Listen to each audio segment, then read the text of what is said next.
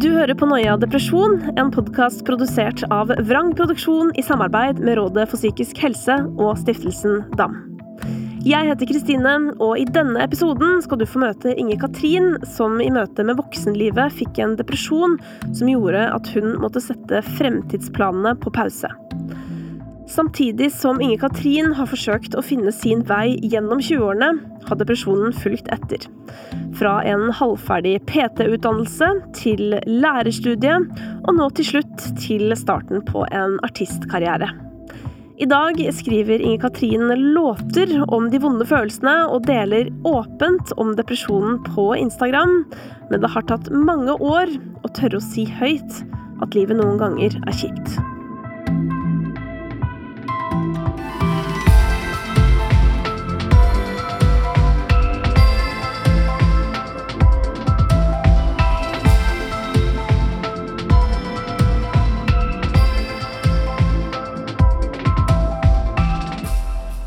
Mitt navn er Inger Katrin Kolvik Larsen. Eh, 30 år, bidd i januar i år. Og eh, opprinnelig fra ei lita bygd i Nord-Norge som heter Beiarn. Men eh, hvorfor er du her?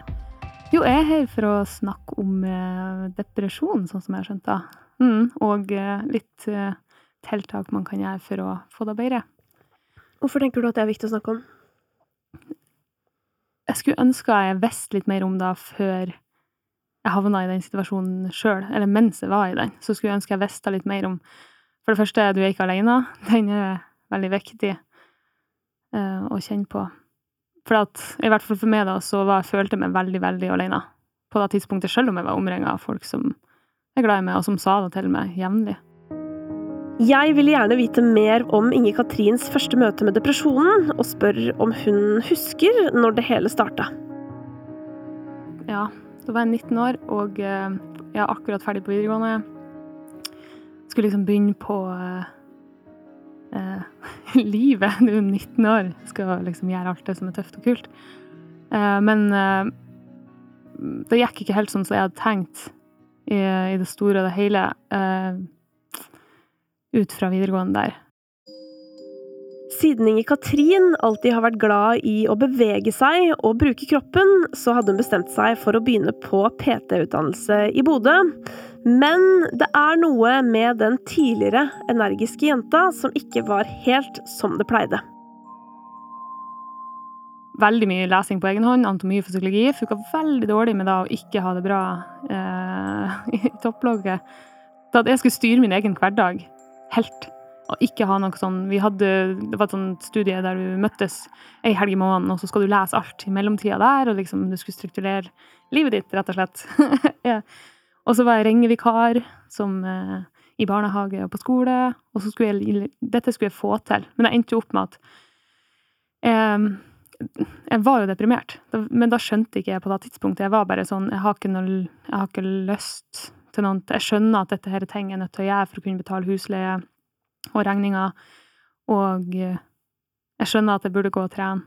Jeg skjønner, jeg skjønner alle disse tingene. Men ingen plass inni meg var det noe som helst drivkraft for at jeg skulle kunne gjøre det. Mangel på motivasjon er en av mange symptomer som etter hvert dukket opp hos 19 år gamle Inger Katrin. Så kunne jeg finne på å ha avtaler med mennesker, og så kommer det nærmere og nærmere den avtalen, og, jeg kjenner bare at den klumpen inni meg vokser, for jeg, jeg, jeg, jeg, vet allerede at jeg kommer ikke til å fære på det Derfor jeg kommer ikke til å klare å være den personen de ønsker at jeg skulle være. Jeg bare lå på sofaen. Døgnrytmen min var jo helt ute og kjørte. Jeg, var, jeg fikk ikke til å sove. Det var nå en ting. Og så når jeg først sover, så sover jeg jo ikke noe spesielt godt, men utover dagen. Altså, og dette bare baller på seg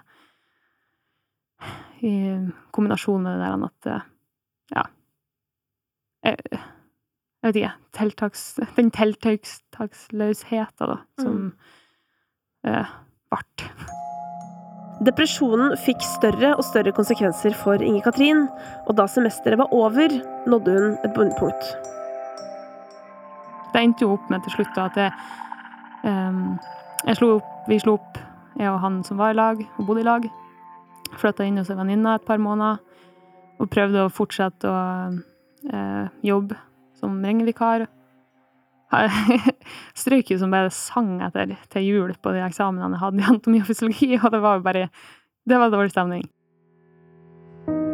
Inger-Katrin la PT-studiene på hylla og flytta hjem til foreldrene i Beiarn for å samle tankene. Etter noen måneder hjemme følte hun seg bedre og bestemte seg for å søke på lærerstudiet. Da høsten kom, var hun klar for en ny start i en ny by. Og så flytta jeg til Trondheim. Kjempespennende. Masse nye folk. Eh, pro, nei, eh, hva heter det? Fadderuka som fortsetter og fortsetter og fortsetter og fortsetter. Og for meg så definitivt ikke bra eh, for meg. Fordi jeg havna lag med eh, sikkert folk som ikke nødvendigvis var veldig bra for meg. Og jeg tok nok noen dårlige valg med tanke på hvor masse alkohol for eksempel jeg drakk. Og jeg brukte alkohol aktivt for å eh, slippe å være eh, apatisk. For når, du, når jeg drakk, så ble det jo eh, fylt av energi og bare kunne gå tilbake, og klikke tilbake i den rollen jeg hadde før eh, jeg ble deprimert, og bare yes, OK, full fest. og Baksida med da er jo at eh, dagen etterpå så kommer det jo helt ned i bakken igjen, fordi du er tom for all energien altså, som du har brukt dagen før, og kroppen trenger jo masse eh, pleie. Når jeg liksom starta der, så hadde jeg jo liksom den følelsen at nå har jeg jo bygd meg sjøl opp igjen. Dette skal jeg klare. Jeg er tilbake eh, sånn som jeg var. Eh, men så er det dette med at jeg klarte liksom ikke å Jeg kommer ikke forbi den. Å, nå er fadderuka ferdig, liksom, nå skal du studere. Det er da du skal gjøre. Eh, så jeg strøyk jo ganske masse fram til jul da halvåret der òg. Midt oppi kaoset av fyllekuler og nedturer møter Inger-Katrin sin daværende kjæreste. Da tror jeg definitivt var en del av den redninga mi, fordi eh, da fikk jeg noe fast å forholde meg til. Eh, det er mye mer uh, innafor å si nei hvis noen spør om du skal være med ut fordi at jeg har lyst til å være hjemme og chille og spise taco. Eh, ja. Så det var veldig fint. Pluss at jeg hadde to uh, søstrene mine bodde i Trondheim også, så de var de var flinke til å snakke med meg og prøve å få meg til å liksom være med ut, for eksempel. Vi kan bare gå en liten tur. Ja. I tillegg til kjæresten og søstrene sine fikk Inger-Katrin nye venner i Trondheim. Men da festen var over og hun ikke hadde alkoholen til å regulere følelsene sine, syntes hun det var vanskelig å være sammen med andre.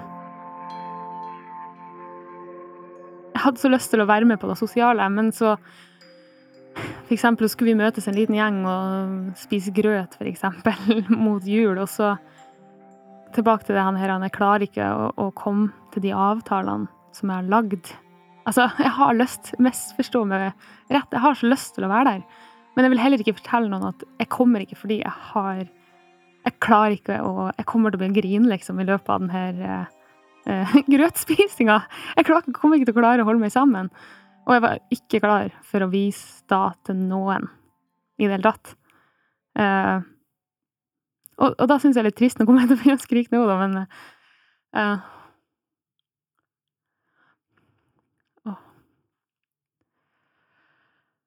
Jeg skulle så ønske at jeg gjorde det. De har jo kommet til å bare prøvd sitt beste for å hjelpe meg, liksom. Og det vet de jo nå.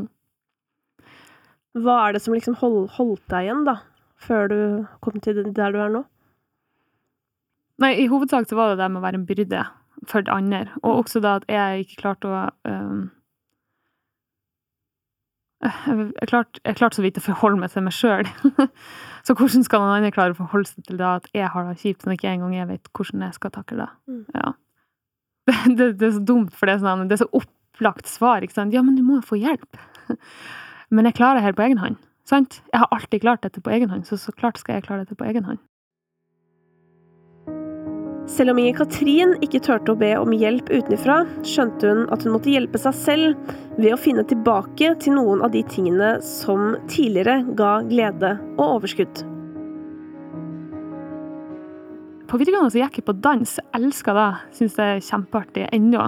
Kan altfor lite nå, da. Men eh, så fysisk aktivitet, det har alltid vært en del av eh, meg. Og hva vi har gjort både da gå på fjellet, eller være på fotball, eller nå det er dansen. Så jeg var liksom Jeg savna jo da litt. Det gikk jo ganske mye opp i vekt de i da halve året, året Sikkert to årene der det der foregikk. Før jeg skjønte at jeg måtte kanskje gjøre noe med det. Fordi det påvirka jo også hvordan jeg hadde med meg sjøl. For det var ikke bare det 'å, jeg er trist og lei meg', men også det der med at jeg er ikke god nok. Det var Livet føltes jo helt meningsløst ut i det utgangspunktet.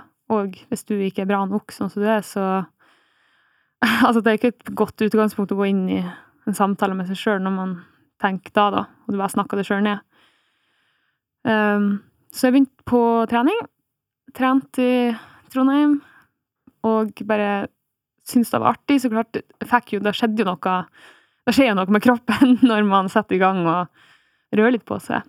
Eh, og så syntes jeg det var så artig og jeg gikk på gruppetimer. Det var sikkert det beste. liksom Sånn step med litt ekstra i, og eh, type dansetimer og sånn. Og så var det en av de instruktørene som spurte meg har du tenkt noen gang på å bli instruktør sjøl. Og jeg bare Nei, jeg har ikke da, men jo, kanskje. men hadde du ikke tenkt litt på det, siden du hadde tatt en PT ut Nei, jeg hadde ikke tatt ja, det PT-forsøket, ja. uh, jeg hadde tenkt kanskje da det skulle være PT, men da, da, for meg var det noe annet enn å være instruktør, for da står du jo framfor en hel gruppe mennesker. Skal jeg som står der og er deprimert, liksom være framfor masse mennesker? Det tror jeg jo ikke. Men likevel så går jeg lærerutdanninga. Altså Nei. Men uh, ja. Det er herlig smørje av greier som foregår, for å være ærlig. Men så endte det opp med at jeg sa ja, så var jeg med på et kurs, og så fikk jeg jobb på treningssenteret der. Og da hjalp eh, til de grader på både sjøltilliten, og så var det jo masse andre studenter der, og eh, jeg, jeg, føler at der på en måte starta det litt, i hvert fall ordentlig, dette nå tar jeg tak i det kroppslige, det å følge det mentale med. Merker jeg har det lettere med meg sjøl, og jeg snakker ikke meg sjøl ned. ikke sant? Begynner å følge sånne der, eh, motivational quotes på Instagram og bare 'You got this!' Og, ja, altså, helt, ja, men seriøst, det funka så bra. Jeg følger mange sånne i dag. Fordi jeg får det inn i feeden min, og så får jeg sånn 'Ja, you go'. og så gjør jeg det. Mm. Eh, mesteparten av tida. Så jeg føler at fra jeg starta å trene, så liksom var det litt sånn stødig oppover. Det sikkert det gjorde noe med sjølbildet mitt, det gjorde noe med hvordan jeg hadde det mentalt. Jeg fikk livet på stell, tok en utdanning, fikk jeg klarte å stå på alle de eksamene jeg strøyk på. Året etterpå, liksom samtidig som jeg tok de andre eksamenene, så det var jo bare sånn wow, nå er du ganske god. ja. Endelig følte Inge-Katrin at livet var på rett vei. Etter å ha fullført lærerutdanningen fikk hun jobb som kontaktlærer på en skole. En rolle som skulle vise seg å bli altoppslukende. Så jeg starta dagen min klokka seks på morgenen. Sto opp, raska meg med den frokosten jeg lagde dagen før. Få på jobb, få sett litt på kontoret før alle andre kommer. For å bare finpusse litt på undervisninga. Og så eh, ha eh, skoledagen så var det møte, så var det litt planlegging. Så var det hjemme og spise middag, og så var det fortsette å enten rette eller planlegge noe annet. Um, uh, kanskje litt Netflix. Gå og legge seg. Repetere. Og da var dagen min. Og uh, så hadde jo heldigvis den instruktørjobben på si, da, for jeg, da klarte jeg ikke å slippe. Jeg syntes det var dritartig. um, men det ble bare en sånn et hjul da, som jeg gikk i. Jeg bare, det er akkurat det samme hele tida. Det skjer liksom egentlig ikke noe nytt. Det begynte i det små. Et glass vin etter jobb på en torsdag. Kanskje to. Før Inger Katrin rakk å registrere hva som skjedde, så hadde hun havnet tilbake i gamle, destruktive mønstre.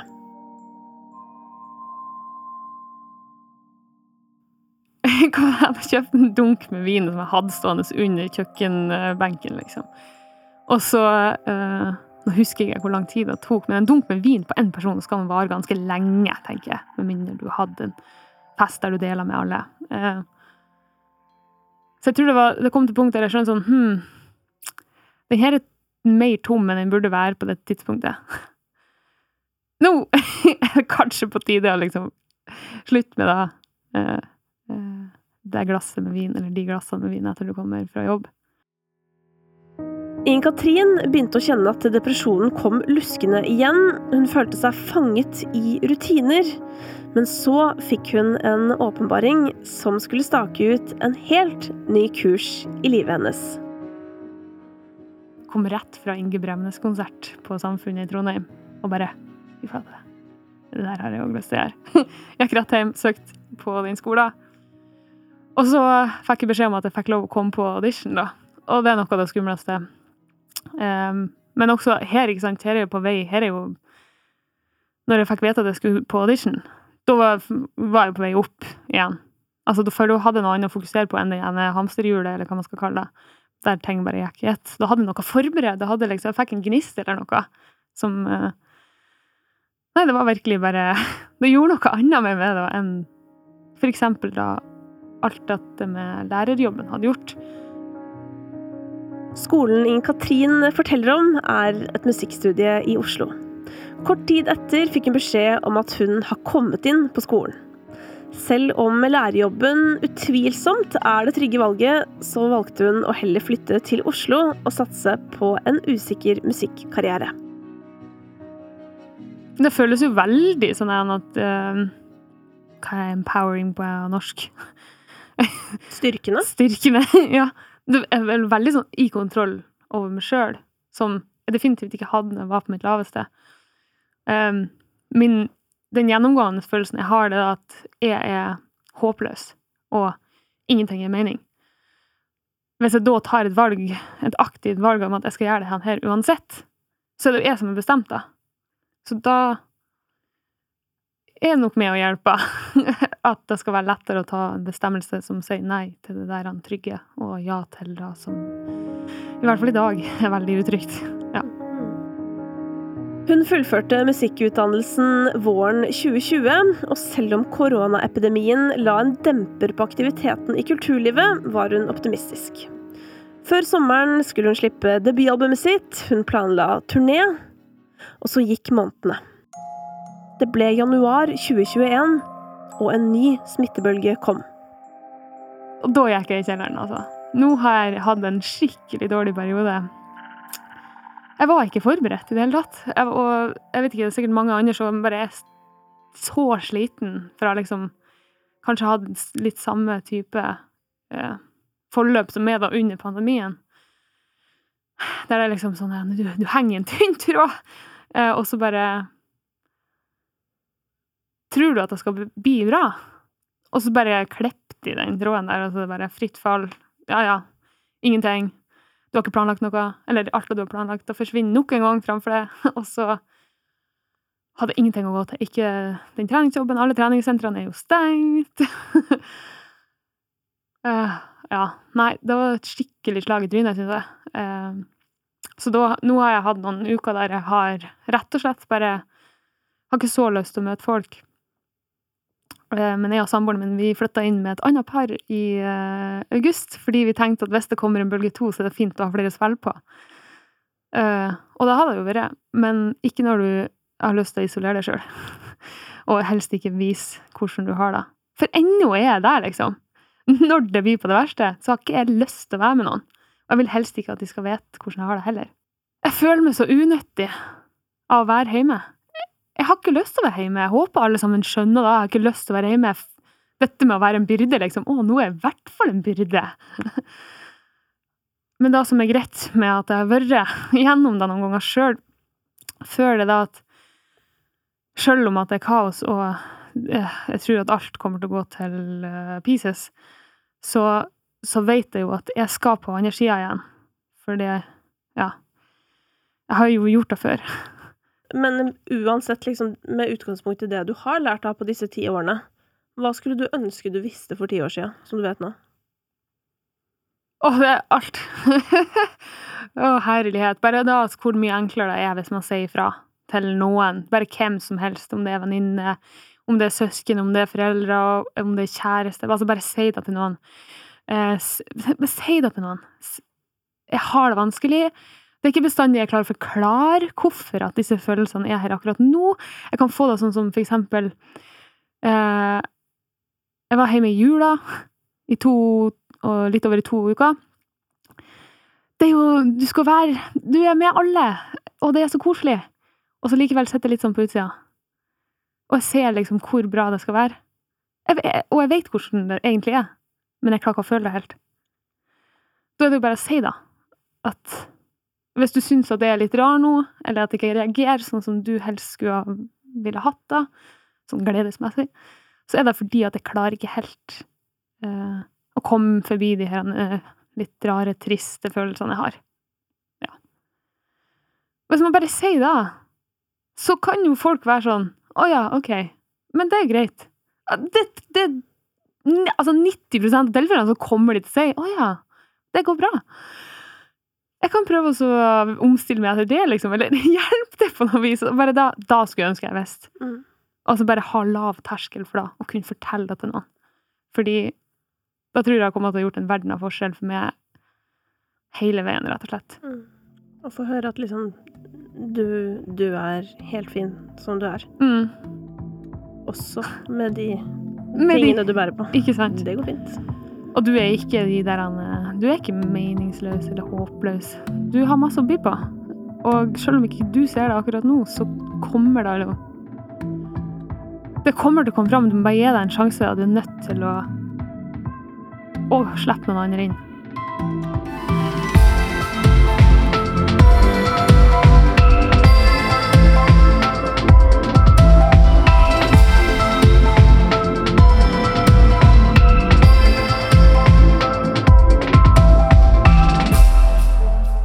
Tusen hjertelig takk for at du hører på Noia. Husk at det er mange flere episoder der denne kom fra. Og husk at hvis du har tilbakemeldinger, så kan du gjerne dele de med oss via noiapodkast.no.